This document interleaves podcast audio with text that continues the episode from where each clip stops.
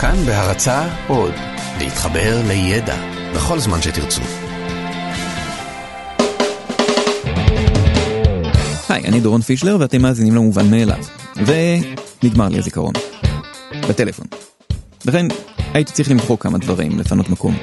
זה היה קשה, כי יש שם המון דברים שאני צריך. בסופו של דבר הייתי צריך להחליט בין למחוק 56 תמונות כמעט זהות של החתולה שלי ישנה, שאני לא כל כך זוכר למה צילמתי, אבל בטח הייתה לזה איזושהי סיבה ממש טובה. או כמה קבצים של פודקאסטים על אטימולוגיה שהורדתי ב-2015, ולא ממש היה לי זמן להאזין להם עד עכשיו, אבל אני אגיע לזה, מתישהו. וזה הקטע עם זיכרון, שאין מקום להכל, ולפעמים צריך לפנות את הדברים הפחות חשובים. למזלי, בזיכרון שלי בראש, אין לי בעיה כזאת, אני זוכר הכל. כל הדברים החשובים שעברתי ושראיתי שמורים אצלי ומתויקים, ומתי שאני רוצה, אני יכול לחזור אליהם ולשלוף אותם מהזיכרון.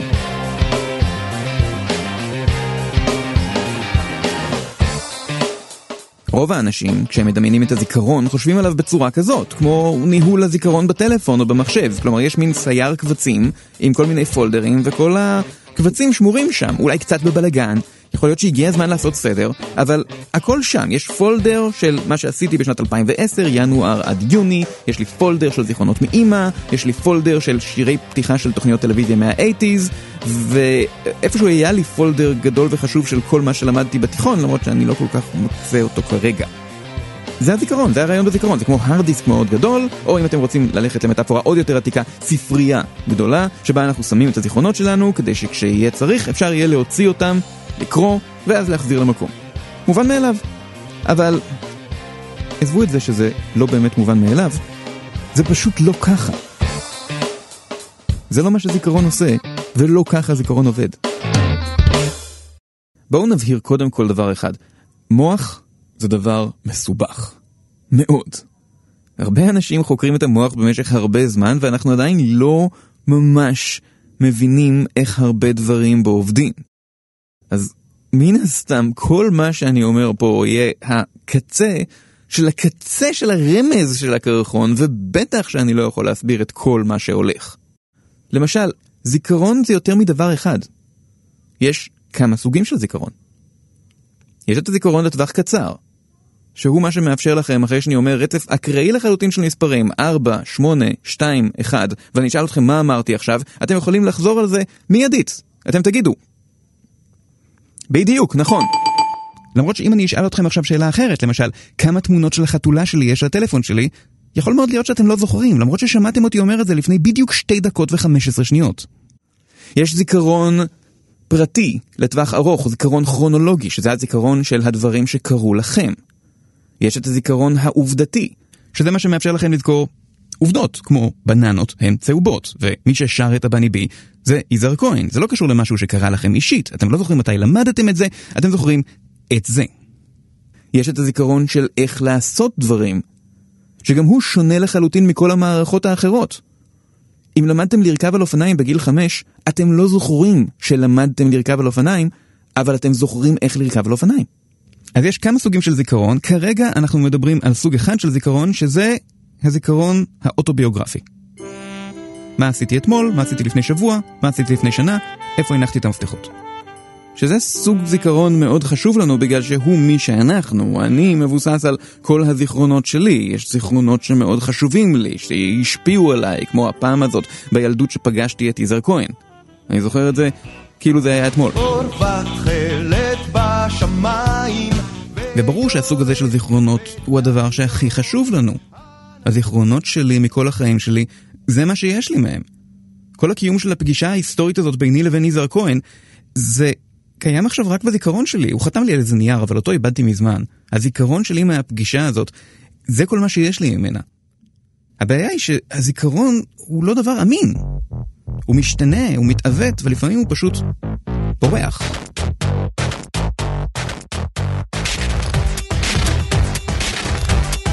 ההיסטוריה של חקר הזיכרון היא היסטוריה של דברים לא כל כך נעימים שעשו לחולדות.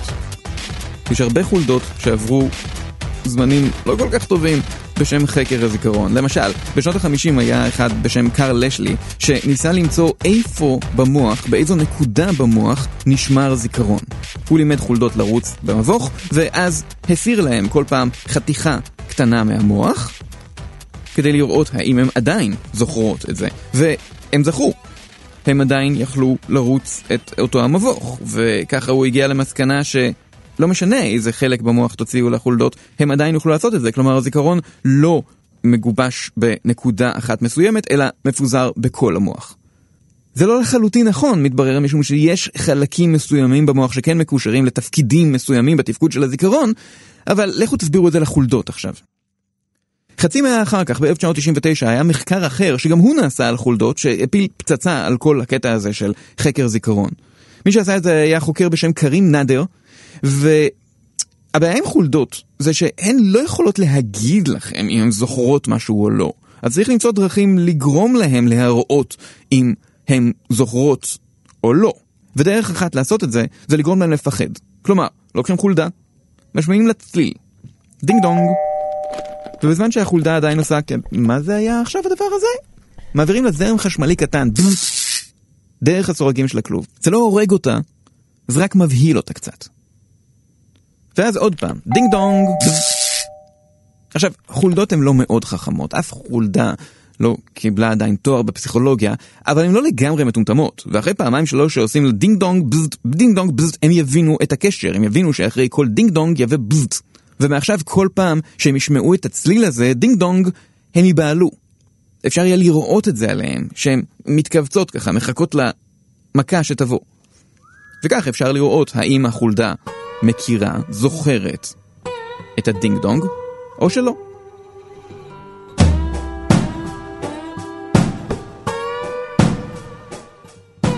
עכשיו, ניסוי אחד שעשו על חולדות זה להזריק להם חומר שנקרא אניסומיצין.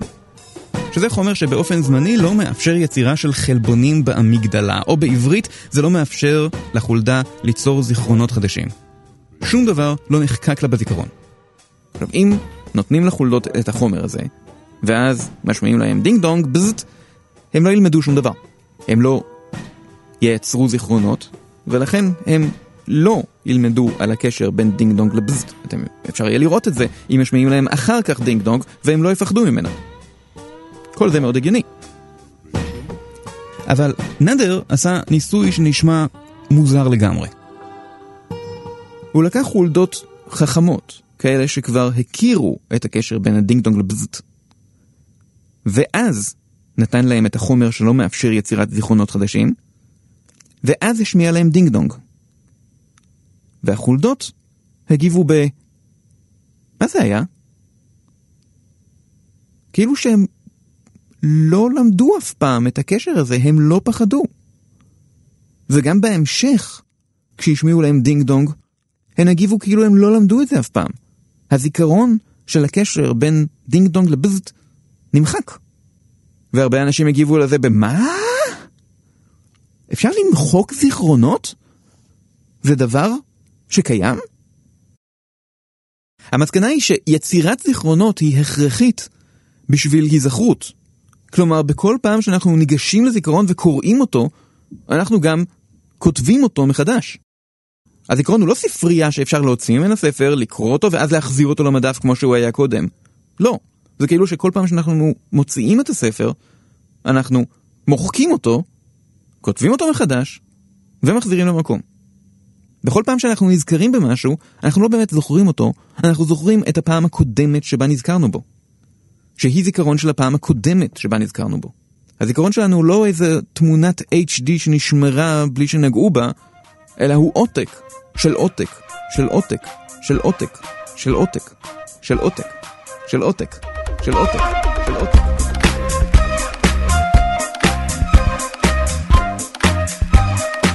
עכשיו, דבר אחד שחשוב להזכיר בנקודה הזאת זה שאנשים הם לא חולדות.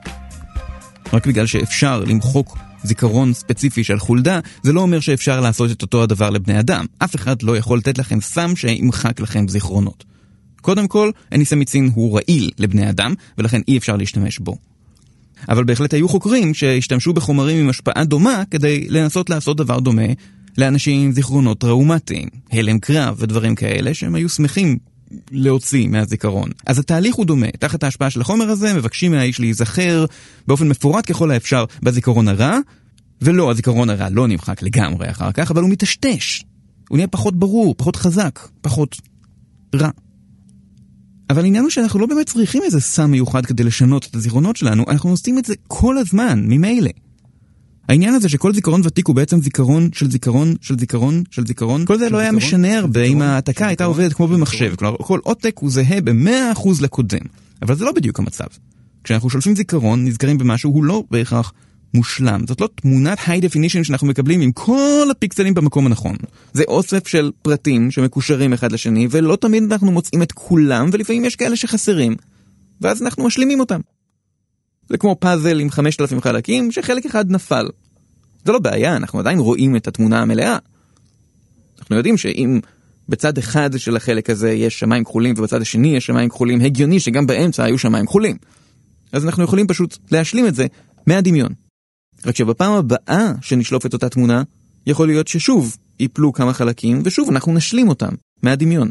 ובפעם שאחריה, עוד פעם נשלים חלקים אחרים, ואחרי הרבה פעמים שאנחנו נזכרים באותו דבר, יכול להיות שבעצם לא יישארו חלקים מקוריים בכלל. הכל יהיה השלמה, הכל יהיה דברים שאנחנו השלמנו בעצמנו במשך הזמן. העניין הזה יכול להסביר כמה ניסויים שנעשו לאורך השנים, שהדגימו שאפשר לשנות זיכרונות של אנשים, ושזה אפילו לא ממש קשה.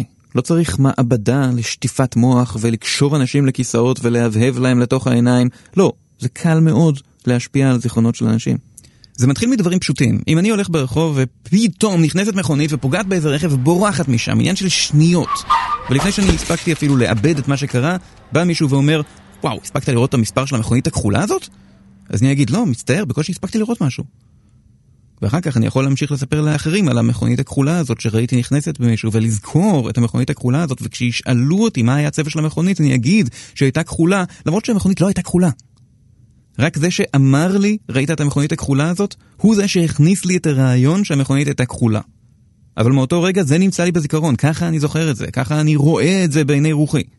יש ניסויים שבהם גרמו לאנשים לא רק לזכור דברים שלא קרו, אלא לשנות את ההתנהגות שלהם באמצעות זיכרונות שלא קיימים. למשל, הביאו אנשים לניסוי והנסיין אמר, יש לי פה את התיק הרפואי שלך, אני רואה שכשהיית ילד סבלת מקלקול קיבה אחרי שאכלת סנדוויץ' עם סלט ביצים. עכשיו, רוב האנשים כשהם ישמעו את זה יגידו שהם לא זוכרים שדבר כזה קרה, אבל יש אנשים שיגידו, אה, אולי? יכול להיות? זה היה מזמן, הייתי ילד, לא זכור לי עכשיו בדיוק, אבל מצלצל מוכר קצת. וכשהם יחשבו על זה יותר מאוחר, הם יגידו, וואלה, כן, נדמה לי שאני זוכר שבאמת היה דבר כזה. ובהדרגה לפעמים הנדמה לי הזה הופך ל... כן, אני זוכר, זה דבר שקרה לי. וחלק מהמשתתפים בניסוי לא רק התחילו להאמין ולזכור את הדבר הזה שלא קרה, הם הפסיקו לאכול סלט ביצים.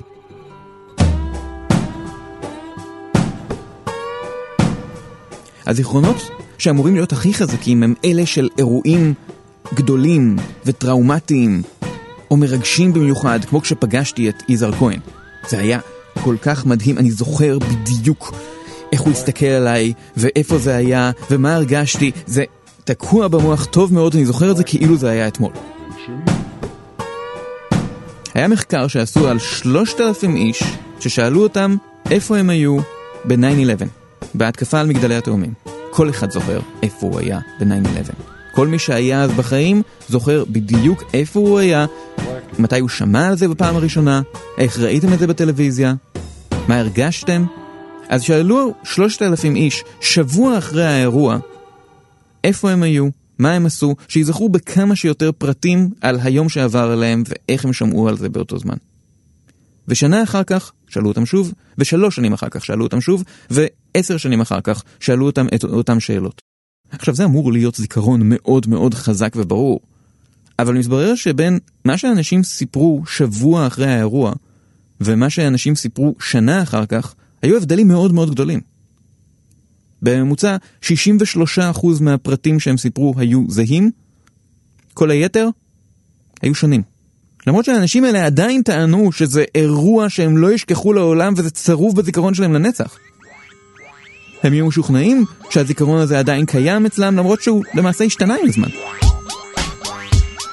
פשוט כי דווקא הדברים האלה, שנדמה לנו שאנחנו זוכרים בהם כל פרט וכל עלה וכל קול והכל שמור בתור תמונה מלאה עם כל הפרטים, זה לא נכון, כי זיכרון פשוט לא עובד ככה. זיכרון הוא לא מצלמה. הוא לא שומר לנו תמונות מלאות. אז גם הזיכרון הכל כך משמעותי שלי של הפגישה עם יזהר כהן, כנראה שהרבה ממנו פשוט המצאתי במהלך השנים. לא בטוח שהקיר מאחורה באמת היה אותו קיר בצבע שאני זוכר, ולא בטוח שציוץ הציפורים ברקע היה בדיוק מה שאני זוכר, ולא לגמרי בטוח שהוא בעצם לחץ לי את היד ואמר לי, נעים לפגוש אותך דורון ידידי הטוב, אלא אולי הוא, הוא רק נתן לי כיף ואמר היי, ואולי זה לא היה יזהר כהן. אולי זה היה שימי תבורי. אבל לא צריך אפילו ניסויים מיוחדים בשביל לשתול זיכרונות או לשנות את הזיכרונות. אנשים עושים את זה לעצמם, כל הזמן. אני הולך לספר ספוילר לסרט, וזה הספוילר הכי מפורסם אי פעם, כן? אחד המשפטים הכי מפורסמים בתולדות הקולנוע, הדבר הזה מהאימפריה המכה שנית. ואפילו לא ראיתם את הסרט, סביר ששמעתם את המשפט. אם אתם עוד לא ראיתם את הסרט, אז אולי תלכו ותראו אותו כדי לא לקלקל לכם. בכל מקרה, המשפט הוא, לוק, I'm your father.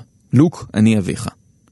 אין משפט מפורסם יותר, כולם מכירים אותו, ומעריצים של מלחמת הכוכבים לא סתם מכירים אותו, אלא זוכרים היטב איך הם הרגישו כשהם שמעו את זה בפעם הראשונה. זה טבוע להם במוח. הם יכולים ממש לשמוע את הקול של דארט ויידר עושה לוק, I am your father. ולכן הרבה מאוד פעמים הם מופתעים לשמוע שהוא לא באמת אומר את זה. המשפט הזה לא מופיע בסרט. הוא אומר משהו דומה. הוא אומר, No, no. I am your father. I am your father. כלומר, לא, פסיק, אני אביך. אבל המשפט הזה, לוק, אני אביך, לא באמת נאמר. וזה לא משנה את זה שיש להרבה אנשים את הזיכרון של דארט ויידר אומר את המשפט הלא נכון. וכשהם מגלים את האמת, לפעמים התגובה שלהם נשמעת כמו... אבל למה להצטמצם למשפט אחד? יש סרטים שלמים שיכולים להופיע ככה. ב-2016 התחיל עניין באינטרנט שכל מיני אנשים נזכרו פתאום בסרט שהם ראו בשנות ה-90. סרט שקוראים לו שזאם, יש שני Aים לפני ה-N בסוף. מי שכיכב בו זה הקומיקאי סינבד והוא מגלם ג'יני. ג'יני בתוך מנורה, שילד קטן מוצא אותה, והוא מגשים לו משאלות, ובסוף הם בטח לומדים איזה שיעור חשוב על החיים, או משהו כזה. אנשים זוכרים שהם ראו את הסרט, או שהם ראו אה, פרסומות לסרט הזה, אבל במסדי רש... נתונים רשמיים, הסרט הזה לא מופיע, נורא קשה למצוא עליו מידע רשמי באיזשהו מקום. ויש סיבה טובה לזה. זה משום שהסרט הזה לא קיים. לא היה סרט כזה, אף פעם. סינבד בעצמו טוען שהוא מעולם לא השתתף בסרט כזה, והוא צריך לדעת. זה עצבן אותו כל כך שהוא יציע 5,000 דולר למי שיביא לו עותק של הסרט הזה. זה לא קרה משום שאין עותק של הסרט הזה. אבל כמובן, מכיוון שאנחנו מדברים על האינטרנט, אז אה, אנשים טובים כבר יצרו פוסטרים מזויפים של הסרט, ואפשר למצוא אה, ביקורת מזויפת של הסרט הזה, כדי לעשות את העניינים יותר מבלבלים. מה שקרה באמת זה שיצא סרט מאוד דומה. ב-1996 יצא סרט בשם קזאן, עם אותה עלילה. מי שכיכב בו זה שקיל אוניל, ההוא הגבוה. הוא נחשב לסרט מאוד מאוד גרוע, ויש סיבה טובה לזה ששקיל אוניל לא נהיה כוכב קולנוע. וכשנזכרים בדברים מהניינטיז, אז מאוד קל, אם מספרים לך משהו שנשמע הגיוני, מאוד קל לבנות מזה איזשהו זיכרון חדש. וככה הרבה אנשים משוכנעים שהם ראו סרט שמעולם לא היה קיים, ומאוד מאוד קשה לשכנע אותם אחרת. העלו כל מיני אפשרויות ללמה אי אפשר למצוא עדויות לקיומו של שזאם. זה מתחיל בקונספירציה שהעלימו את כל העותקים של זה כדי לא לפגוע בזכויות היוצרים שנגנבו בשביל הסרט קזאם, וזה מגיע עד לזה שעברנו ליקום מקביל, שבו ההיסטוריה הקולנועית היא קצת שונה. יותר קל לאנשים להאמין שהם עברו ליקום מקביל, מאשר שהזיכרונות שלהם, של עצמם, הם פשוט לא נכונים. הזיכרונות שלנו הם אנחנו. אני מורכב מסך כל הזיכרונות שלי. אם הזיכרונות שלי הם לא נכונים, אז אני לא באמת אני. הדבר הכי מובן מאליו בעיניי זה שמה שאני זוכר זה מה שקרה. אבל מתברר שזה פשוט לא המצב. שום דבר לא מובן מאליו. אפילו לא אתם. זה היה מובן מאליו, אני דורון פישלר, ערכו והפיקו אייל שינדלר ורום אטיק. אם אתם רוצים לשמוע עוד על יזהר כהן, אתם יכולים לשמוע את הפרק של הפודקאסט שיר אחד, שעוסק כולו בתולדות השיר הבני בי. ואותו ואת כל הפרקים של המובן מאליו והרבה אחרים אתם יכולים למצוא בכאן org.il/פודקאסט. עדכונים על הפודקאסט הזה ועניינים אחרים אתם יכולים למצוא בעמוד הפייסבוק דורון פישלר נגד העולם. זאת הייתה העונה הראשונה של המובן מאליו. להתראות.